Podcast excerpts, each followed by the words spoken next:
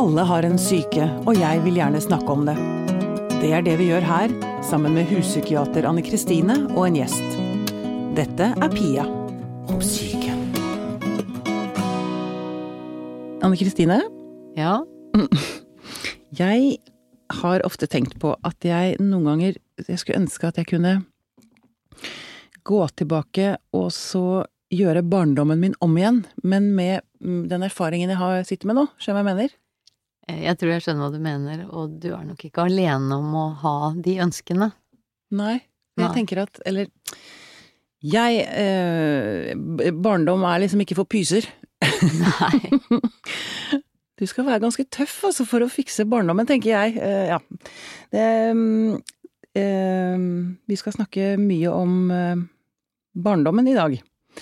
Og gjesten vår i dag, Margaret Olin, velkommen hit. Takk. Em, du har en eh, film som eh, nettopp i disse dager ferdigstilles. Stemmer. Den har norgespremiere 3. mars, så det er like om hjørnet. Eh, Den heter rett og slett Barndom. Mm. Mm. Du, jeg må bare først uh, høre med deg. Nå skjønner jeg at det er mye som skjer oppi hodet og inni hjertet og mage hos deg, som sitter med dette barnet ditt som du nå skal vise for alle. Men hvis du skulle Hvis du skulle diagnostisere deg selv, hva, hva, hva slags diagnose ville du satt? Mm. Jeg tror eh, Da vil jeg jo starte med å si at eh, vi må passe oss for å gi diagnoser, særlig til barn. Nå har du Eh, Anne Kristine med deg på laget. Um, vi gir det altfor lett. Eh, mange barn som får liksom uh, stempla at de har atferdsproblemer. De har ikke det, de lider av å være barn, hvis det er en lidelse. Mm. Vi er født inn Altså det er barnets måte å være i verden på, er å være i bevegelse. I rommet, i, altså i utfoldelse. Mm. Og vi prøver å holde barnet tilbake, lære barn ting i altfor tidlig alder som barnet stritter imot. Og så gir vi de diagnoser, og i noen Fordi de ikke passer inn, liksom? Mm. Ja, og i noen tilfeller også medisinerer de. Um, og dette er jo samtaler som jeg ønsker i kjølvannet av denne filmen. Uh, om vi, når vi legger planer for barnehage og skole, virkelig tar utgangspunkt i barnets vesen, Mm. eller om vi tar utgangspunkt i samfunnsmodeller, Mm. hva som er økonomisk tjenlig for oss, og for de som ønsker at eh, vi skal være en svært produktiv rase. um, vi tar ikke utgangspunkt i barnet, tror jeg. Nei. Jeg er veldig, du slår inn åpne dører her, altså. Jeg er veldig, veldig, veldig med deg, og det vet jeg Anne Kristin har òg. Eh, og jeg skal ikke, presse deg på din egen diagnose, altså. Jeg vet at eh, Eller det jeg har hørt og lest og tenkt rundt deg, eh, er vel noe med at i den grad Altså at du kanskje var på den mer sårbare siden da du vokste opp, at, at det fortsatt at, Eller du kunne kanskje fort fått en Eller hm, hvordan skal jeg si dette? Jeg tenker at jeg også lider av det. Og at jeg, fordi jeg ikke fikk rommet jeg trengte, utviklet en sykdom. Mm. Sånn tenker jeg rundt det. Mm. Eh, for jeg også var et ekstremt eh, engstelig eh, lite barn. Mm. Som ble flyttet mye rundt, og det var dødsfall, og det var mye som skremte meg, liksom. Mm. Så det er det jeg tenker rundt det, da. Mm. Uh, men For du har sagt et eller annet sted, mener jeg, at du hadde en sensitivitet At du var veldig, veldig sensitiv som liten. Ja, eller jeg, jeg bruker et annet ord, jeg bruker følsomhet. Ja. Um, og det har um, Det jeg har sett mye når jeg Jeg skal komme tilbake til å snakke om meg selv, da, men i møte med uh, unge mennesker som eh, er avhengig av rus, for eksempel, Uh, og som har møtt lite forstand i at rusen har en funksjon i livet.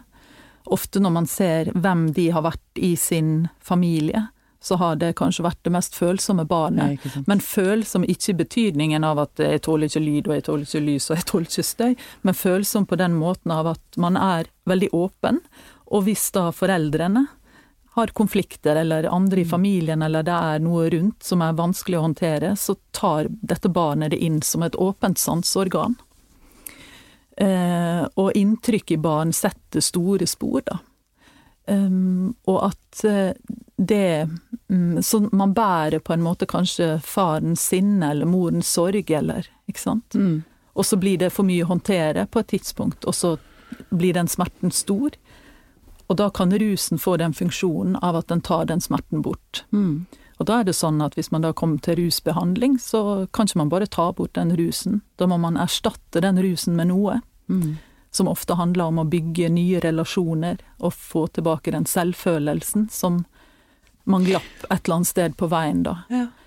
Når jeg ser, har sett traileren til filmen din 'Barndom', Mm. det tar ikke mer enn 10-12 sekunder før jeg begynner å gråte. Mm. Det, altså, jeg har sett den noen ganger nå. Det er noe med altså den sorgen jeg tenker kommer der, handler om så sorgen over mitt eget lille barn, eh, som ikke fikk utfolde seg helt som hun skulle. Mm. Og den sorgen tenker jeg at det er ganske mange voksne også som bærer på. Altså, en ting er at vi selvfølgelig skal passe altså, Og jeg vil snakke mer om det, selve barna, dagens barn. Men også de barne, det barnet vi bærer inni oss som voksne. Hvor utrolig mye omsorg Og jeg tenker at det er noe av den viktigste jobben jeg kan gjøre, er å gi det barnet omsorgen det trenger. Så, uh, ja. Nå hopper vi rundt eh, i vilden sky her, men det er vi jo vant til. Eh, Ja, men alt er viktig. ja, jeg bare tenkte jeg skulle ta med det òg. Og så har jeg egentlig fått liksom plassert de tingene jeg har lyst til å snakke om i dag. Mm. Så kan vi bare spinne litt rundt dette. Hva tenker du, vi har jo snakket om dette før, Anne Kristine. Mm. Om, eh, vi har snakket om rus, vi har snakket om barn som vokser opp med foreldre som ruser seg, Mm. og hva det gjør, hva det skaper av sår eh, i barna. Mm. Og så tenkte jeg det du, det du sa nå, Pia, om eh, at det lille barnet inni deg Altså, jeg tror det var, eh, var vel Morten Joakim Ja. eh, som har vært gjest her hos oss. Han sa det så fint. Han sa det at jeg skjønte det at i, i den relasjonen er jeg alltid barnet. Og det I forhold er- til sine foreldre. Ja, i forhold til Mm. sine foreldre. Og det tenker jeg det er sånn viktig å huske på at selv om man blir voksen utenpå i, i noen relasjoner til noen mennesker, så, så har man på en måte en rolle som man aldri blir ferdig med. Selv om man blir Mm. eh, voksen. Og det syns jeg var veldig godt sagt. Men Jeg tenker også den treåringen som mistet broren sin for meg, da. Hun er jo veldig levende i meg fortsatt. Mm. Hun blir jo ikke borte selv om jeg har lagt på meg 47 år. Mm. Ja, så tenker jeg det som du sa også, Margaret, at det man opplever som barn, at det, at det påvirker barna.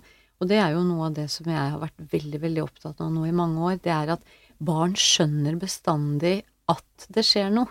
Mm. Men de skjønner ikke nødvendigvis hva det er som skjer, sant? før de har trygge voksne som kan måtte oversette det i ord og sammen med barnet hjelpe til å få en mening i det. De har ikke rammene rundt eller et eller annet sånt nå? Ja, og så er barn Altså, barn er eh, Altså, alle barn er følsomme, Mm. sånn i utgangspunktet.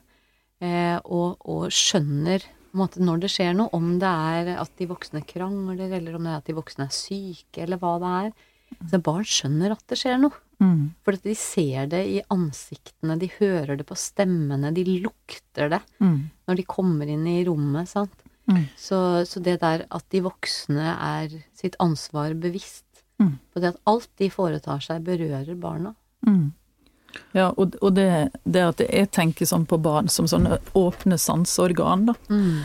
Um, at vi må være klar over at uh, de opplevelsene, inntrykkene barnet får, eh, hvordan sansene stimuleres når det er for første gang, Mm. det setter et helt annet avtrykk enn det gjør når du er eldre. Og jeg tror at det vi snakker om nå handler mye om hvordan man ser på barn og barndom. Vi har en tendens i vår tid til å tenke på at barndommen er en forberedelse til livet seinere. Jeg tror ikke vi skal se på barndom på den måten. Man må se at barndommen, den er her og nå. Vi lever ikke for morgendagen, vi lever her og nå, i en tilstedeværelse, ideelt sett, som barnet gjør veldig. Sånn griper barnet alltid sine omgivelser. Det er her og nå.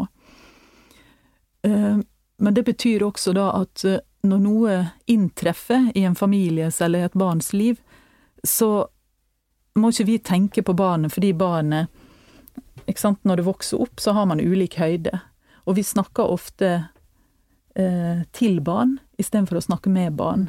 Mm. Og hvis en ulykke rammer eksempel, eller sykdom, da, så er det noe med en sånn der ja, fordi barnet er så lite, så har ikke barnet den forståelsen.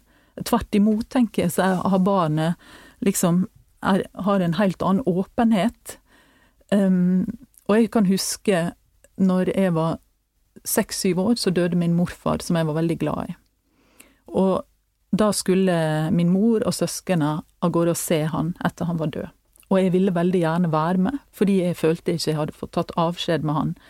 Og de sa nei. Fordi jeg var et barn, og fordi det var ting barn ikke skulle. Du skulle liksom skjermes? jeg skulle skjermes, mm. men det gjorde også at jeg følte at jeg bar på et svik overfor han. Fordi det var så mange andre som hadde fått lov til å være på hans sykdomsleie. Og at vår, vår ting aldri blei avslutta. For det for et barn å liksom gå til en stein på en grav eller et eh, sort hull i jorda jeg, sånn, jeg kunne ikke tatt avskjed med han der, men jeg kunne lagt hendene mine på han og, sa, og kunne si takk for at du var den du var for meg. Og det, den muligheten tok de fra meg, men de gjorde det fordi de trodde at det var best for meg. Ikke sant? Yeah. Og så det er noe med det, hva er barnets beste?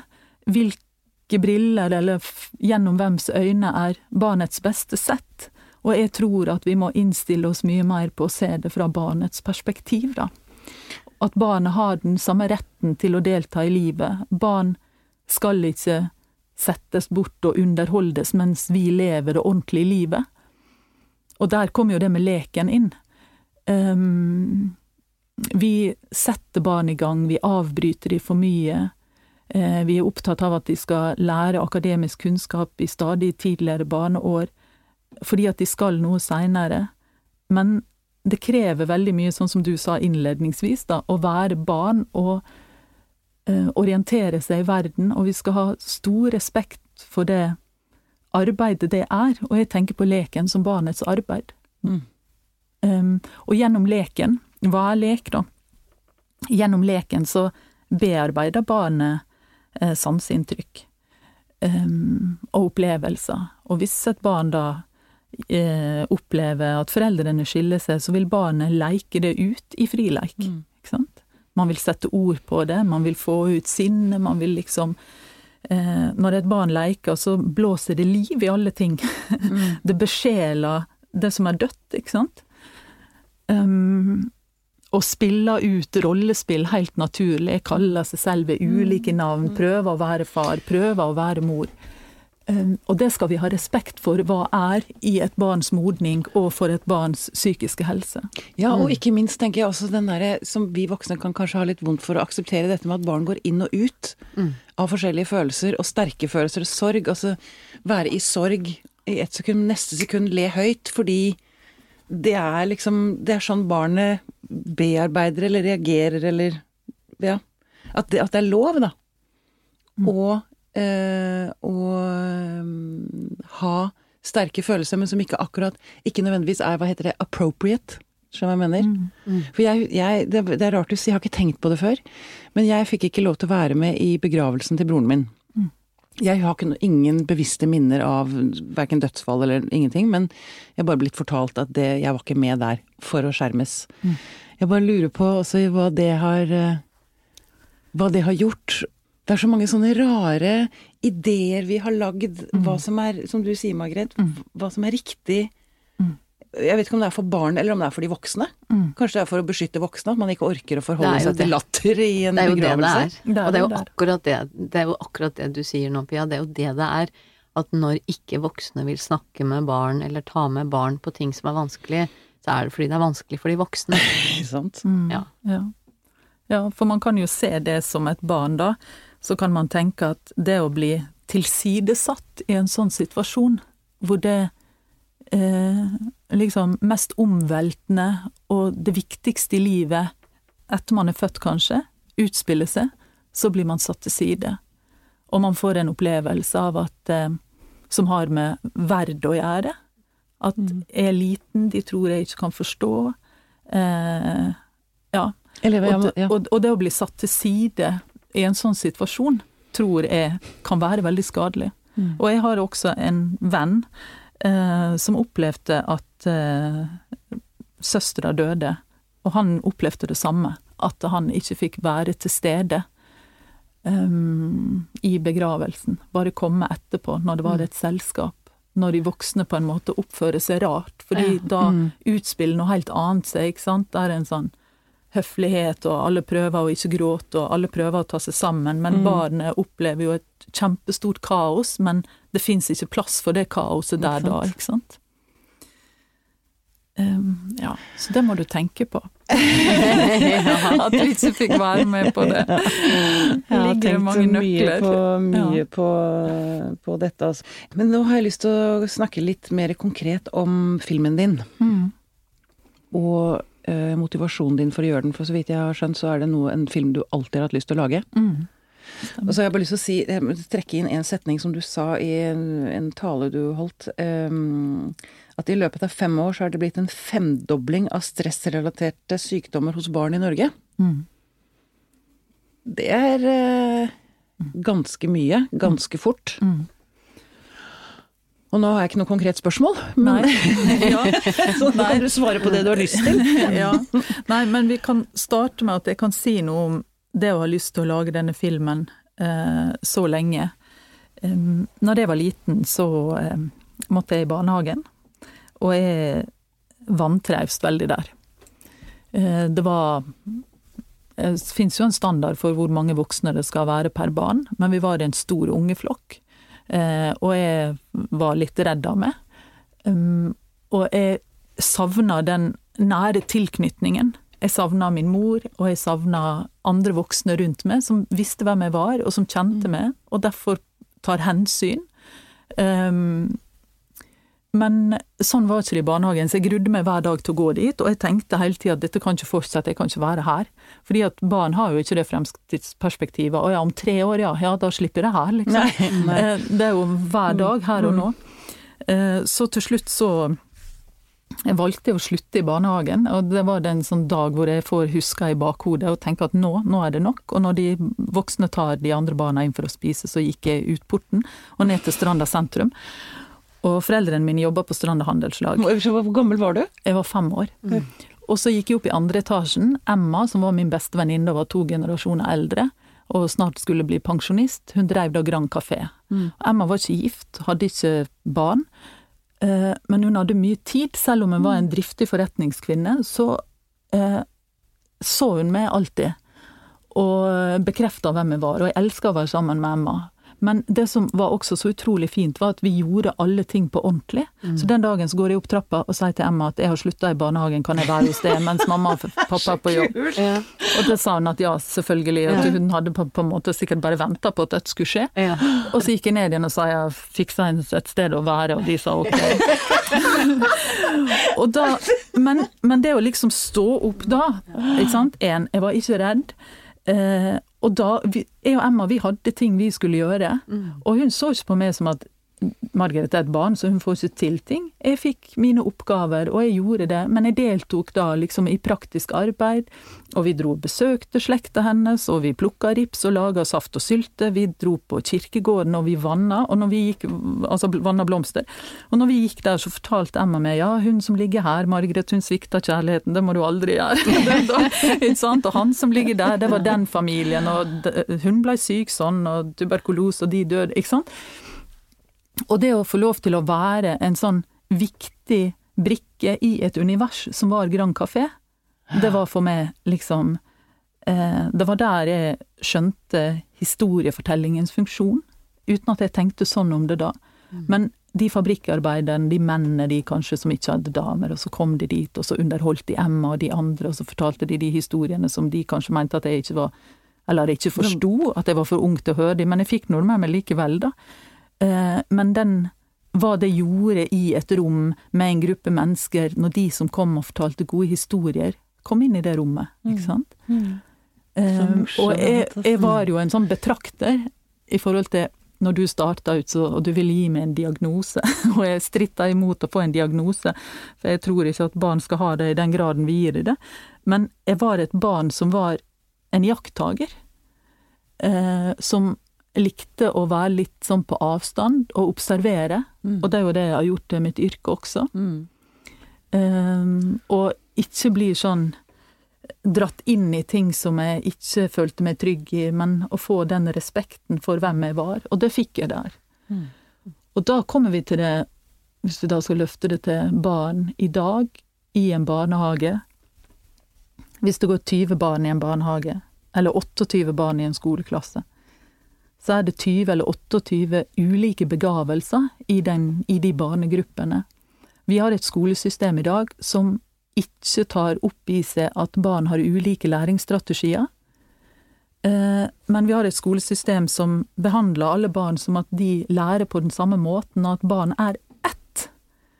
Og hvis man har barn Jeg har to jenter, Milla og Maria, og jeg tar ikke feil av de. De er veldig, veldig ulike. De har noe søskenlikhet. Nå har du ikke samme far heller, men ikke sant? Jeg og min søster er veldig forskjellige. Alle barn er veldig forskjellige. Og vi vil ikke lykkes i skolesystemet og i barnehager og noe sted hvor vi omgås barn, hvis vi ikke tar utgangspunkt i barns forskjellighet. Ikke sant? Og ser dem som helt verdifulle mennesker akkurat der de er. Ja. At verdien ikke kommer om to år når de har lært seg å det er ikke når du har en mastergrad at du blir Nei. verdifull. Eller når de scorer bra på nasjonale prøver. eller sånn. Det har ingenting med barns liv å gjøre. Ikke sant? Nei. Så vi må liksom Ja. Mm. Ja, bare en liten eh, kommentar til dette med diagnose. Diagnostisering. Mm. Anne Kristine og jeg diskuterer dette nesten i hver episode. Grunnen til at jeg spør om det, det er jo at jeg har fått en. Jeg har lyst til å ufarliggjøre det. Mm. Det er noe med det, det er derfor jeg har lyst til å leke litt med det. Da. Det er derfor jeg spør alle, nesten, som jeg har i studio, om hvordan ville du liksom diagnostisert deg selv? Mm. Um, ja, jeg tror det blir bare liksom si det. Hva, For syns du om, hva, hva syns du om din diagnose, da? Hvilken diagnose har du, og hva Bi- tenker du om den?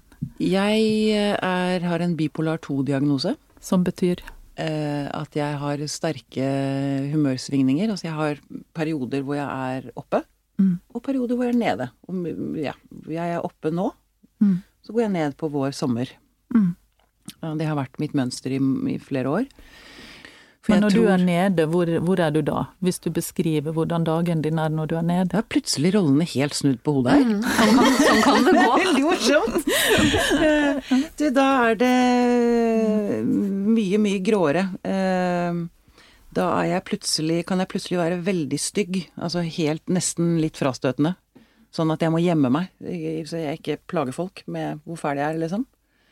Um, Men din egen opplevelse av hvor fæl du er, eller andres tilbakemeldinger? Nei, min opplevelse, tror jeg. Altså, det er ikke noe jeg har noen klare minner av at noen har sagt, men min opplevelse, ja. Mm. Og så er det bare lite energi, ikke tro, ikke noe særlig håp, altså ikke noe Ja. Mm. Men er den det at man kommer til en sånn grense hvor man ikke tåler seg selv, da? Er det Mm. det at du opplever en grenseløshet i hva du trenger av andre?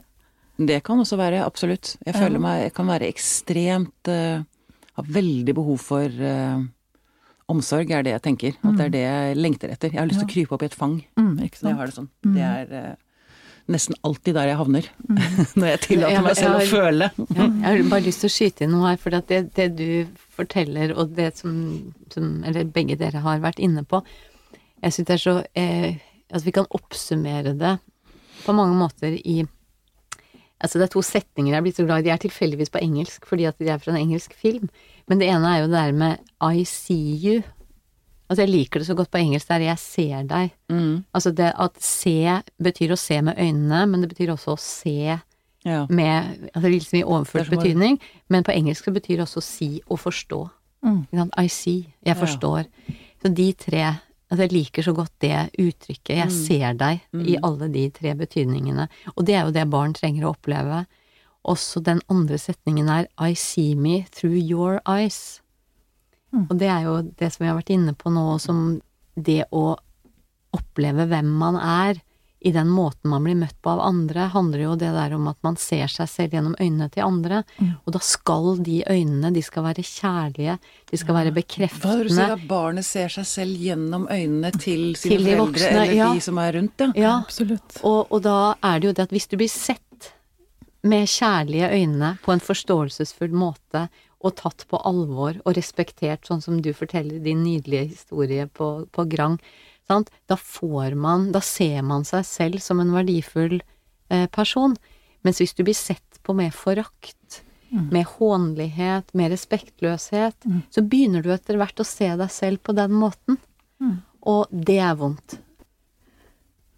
Bare i forhold til det du sa, mm. da. Så, fordi det er jo sånn i vår tid, så sier vi at det er viktig at, at vi ser mennesker.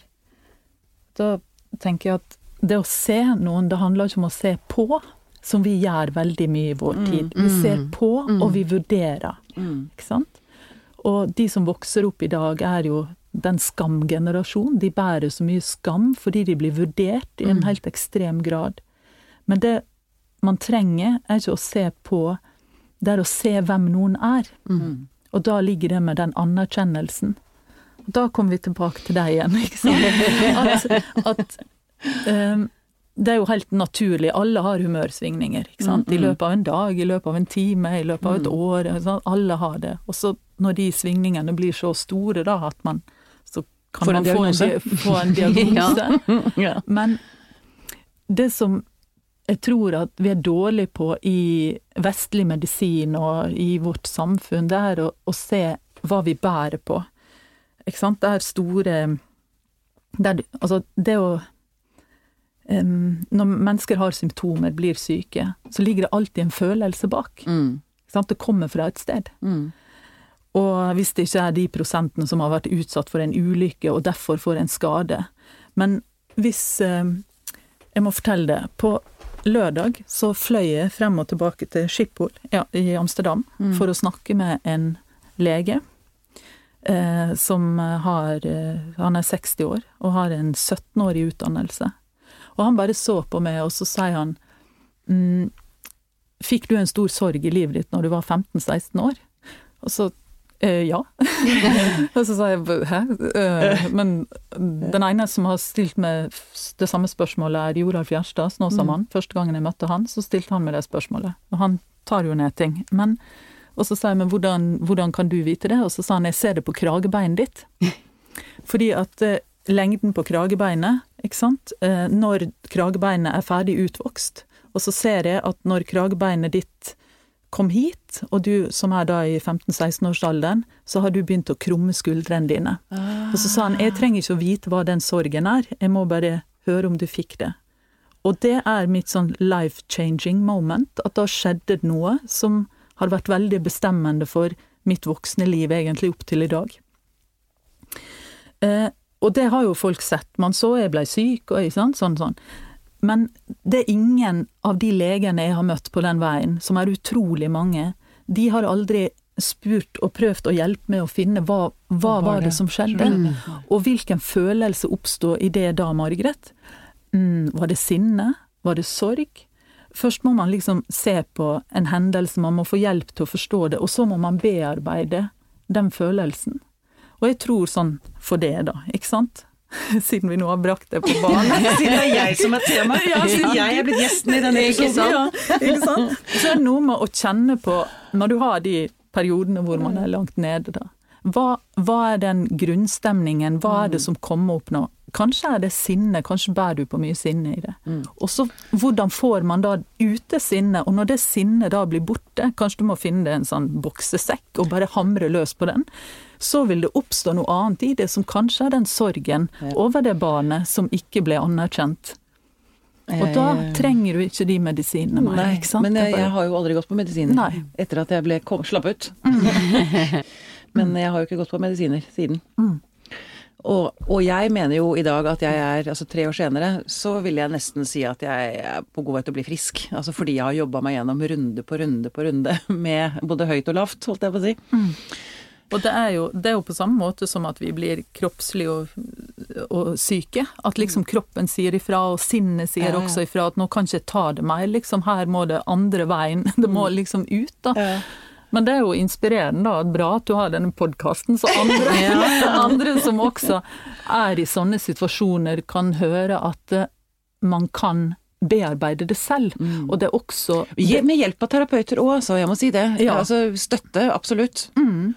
Men, men, det er noe med å se ikke sant, at man kan komme i en situasjon hvor man tror at andre må gjøre jobben for en. Ja, nei, ja. Eh, men man må, man må, ha gode må... terapeuter, eller altså folk rundt seg. Mm, stå i det. Ja, men at man skjønner at for at jeg skal bli frisk, så må jeg faktisk ta tak i ting. Ja. Og man må ta tak i det som også er vanskelig å tre inn i, da. Ja. At det er en sånn utviklingsprosess, og det er noe med å um, når jeg lagde filmen 'Mannen fra Snåsa', det jeg opplevde at Joralf gjorde når folk kom inn i rommet, var ikke at han la varme hender på noen og tok bort noe, men at han satte livskreftene i sving hos folk. Det som er i oss alle sammen. Eh, jeg bruker å tenke på at ethvert barn har en flamme i brystet. Og helst da skal, eller absolutt skal alle barn være i et sånt jordsmonn eh, at den flammen aldri går på sparebluss. Ikke sant? Mm. Um, men det gjør den jo for veldig mange, og man blir syk, og man blir kronisk syk, og alvorlig syk.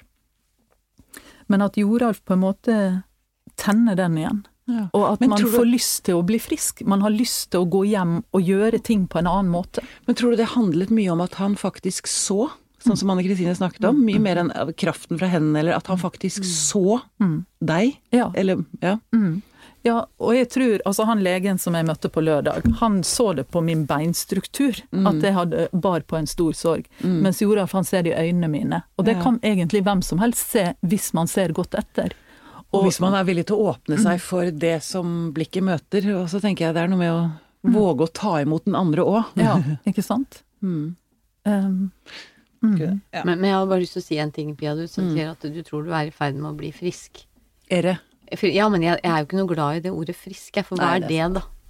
Altså, jeg Nei, tenker men, så eh, frisk, hva er det? Hvis du skal bruke Verdens helseorganisasjon sin eh, definisjon, så skal du liksom være Ikke bare skal du være frisk og ikke ha noen plager og noen bekymringer, men du skal være rik og lykkelig og ja, omtrent. ikke sant. Så, så det, vi, har vært innom det før òg, men jeg er så opptatt av å si det at hva er det å være frisk? Altså det det handler om, det er jo å kjenne at man kan ha et liv hvor man er i kontakt med verdiene sine, altså det som betyr noe, og at man ikke har så store plager at det er til hinder for at man kan ha gode relasjoner til andre, og at man kan fylle livet sitt med, med ting man trives med og Mm. syns er viktig. Mm. Mm. Og noen gjør det med ett bein, og noen gjør det med kroniske smerter. Noen gjør det med Et merkelig hue. et merkelig hue. Altså det, jeg tenker at det, det, det handler ikke om at det er noe mål i seg sjøl å bli frisk. Nei. Sånn, Nei da, men det er noe med Ja. å, mestre sitt eget liv, liksom. Ja. Ikke gå rundt og være redd for å bli tvangsinnlagt ja. Stup, stup i kverten. Ja. Jeg egentlig så tenker jeg jo veldig mye på det pappa har pleid å si, at Pia, du blir aldri riktig frisk, du. det er helt Nei, kanskje du skulle være glad for det, for da hadde det aldri blitt noen podkast, Nei, eksempel. ikke sant. Det er noe med det. Mm. Du vet hva, jeg tror vi er på overtid, jeg. Em, og Linn, jeg kunne snakket med deg i timevis. Men er det noe Jeg føler nesten at vi ikke har fått snakket om filmen din. men den kan man jo gå og se eh, når den snart er på kino. Men er det noe du har lyst til å si sånn avslutningsvis? Om hva som helst, egentlig. Ja. Eh, nei, for å ta opp tråden fra det, det med å snakke om å være frisk eller ikke frisk, men man kan snakke om å ha et godt liv med seg selv. Ja. Og jeg tror at det har man, og et godt liv med seg selv og med andre, og det har man først i det øyeblikket man er glad i seg selv. Og veldig mange blir veldig godt voksne før man erkjenner at for at jeg skal kunne ta inn et annet menneske, så må jeg respektere meg selv. Og hvis man da ikke har blitt anerkjent når man er barn, så er det veldig vanskelig, for da mangler man den selvfølelsen som er å se seg i speilet og si du er, du er bra jente, liksom. Men, og da kommer vi til, til filmen min. Um, når jeg gjorde Ungdommens råskap, som hadde premiere i 2004, det var jo da Kunnskapsløftet liksom kom, og man endra norsk skole. Um, da tenkte jeg at de var så opptatt av at uh, man hadde for, for dårlige ferdigheter uh, i ulike fag. Men ingen snakka om at det gikk for mange elever ut av grunnskolen med lav selvfølelse. Det er mye, mye vanskeligere å reparere det enn en dårlig engelskkarakter. Det er bare å sette gi inn en sesong med Friends, liksom, så drar de på det i kort tid. Kan du ta opp igjen fag? Ja, Du kan ikke ta opp igjen selvfølelsen. Nei. ikke enkelt. Nei, det kan ikke en. Og det tenker jeg at denne filmen, eh, 'Barndom', som nå kommer i mars, at den kan skape en refleksjon blant de som jobber for og med barn, men også vi som er foreldre. Og det er også min første dokumentarfilm som kan ses av småbarn, og som elsker å se den. Vi har sånne visninger for Og jeg må bare skyte inn, og av oss som selv har vært barn. Ja, Ja, det er jo Ikke sant? av oss. ja. Det er viktig. Eh, og, det, og det er um, Når jeg har inne folk og ser filmen som har barn, så har en dame som kom ut og sa jeg skal gå hjem og gjøre ting på en litt annen måte nå. Jeg har skjønt noe nå. I løpet av 90 minutter har jeg skjønt noe. Det var jo liksom oi. Men, og det er jo en rent observerende film. eh, mens de som da kommer og ser filmen som ikke har barn, de går tilbake til sin egen barndom. Ja, og ser hva de hadde eller ikke hadde. Um, men det jeg tenker at, at den refleksjonen rundt hva er det som skaper en god selvfølelse hos barn, altså møtet mellom voksne og barn, denne filmen er full av sånne innspill som vi kan ta med oss da, i samtaler rundt mm. uh, kjøkkenbordet eller på arbeidsplassen eller sånn. Mm. Så jeg håper virkelig folk ser den. For det er noe med at um, når vi er så opptatt av dette med tidlig innsats og skole inn i barnehagen som er på vei til å skje og sånn, så fremstilles det av politikerne våre som at det er noe barna våre får. Mm. Men mitt spørsmål er, er det noe som fratas barna våre? Mm. Når vi ikke tar utgangspunkt i lovmessighet i alder og barnets utvikling. Mm. Når vi syr systemet rundt barna. Mm. Mm. Jeg tror vi lar det være siste ordet. Margrethe Olin, tusen takk for at du kom. Jeg gleder meg som et barn til å se filmen din. Fint.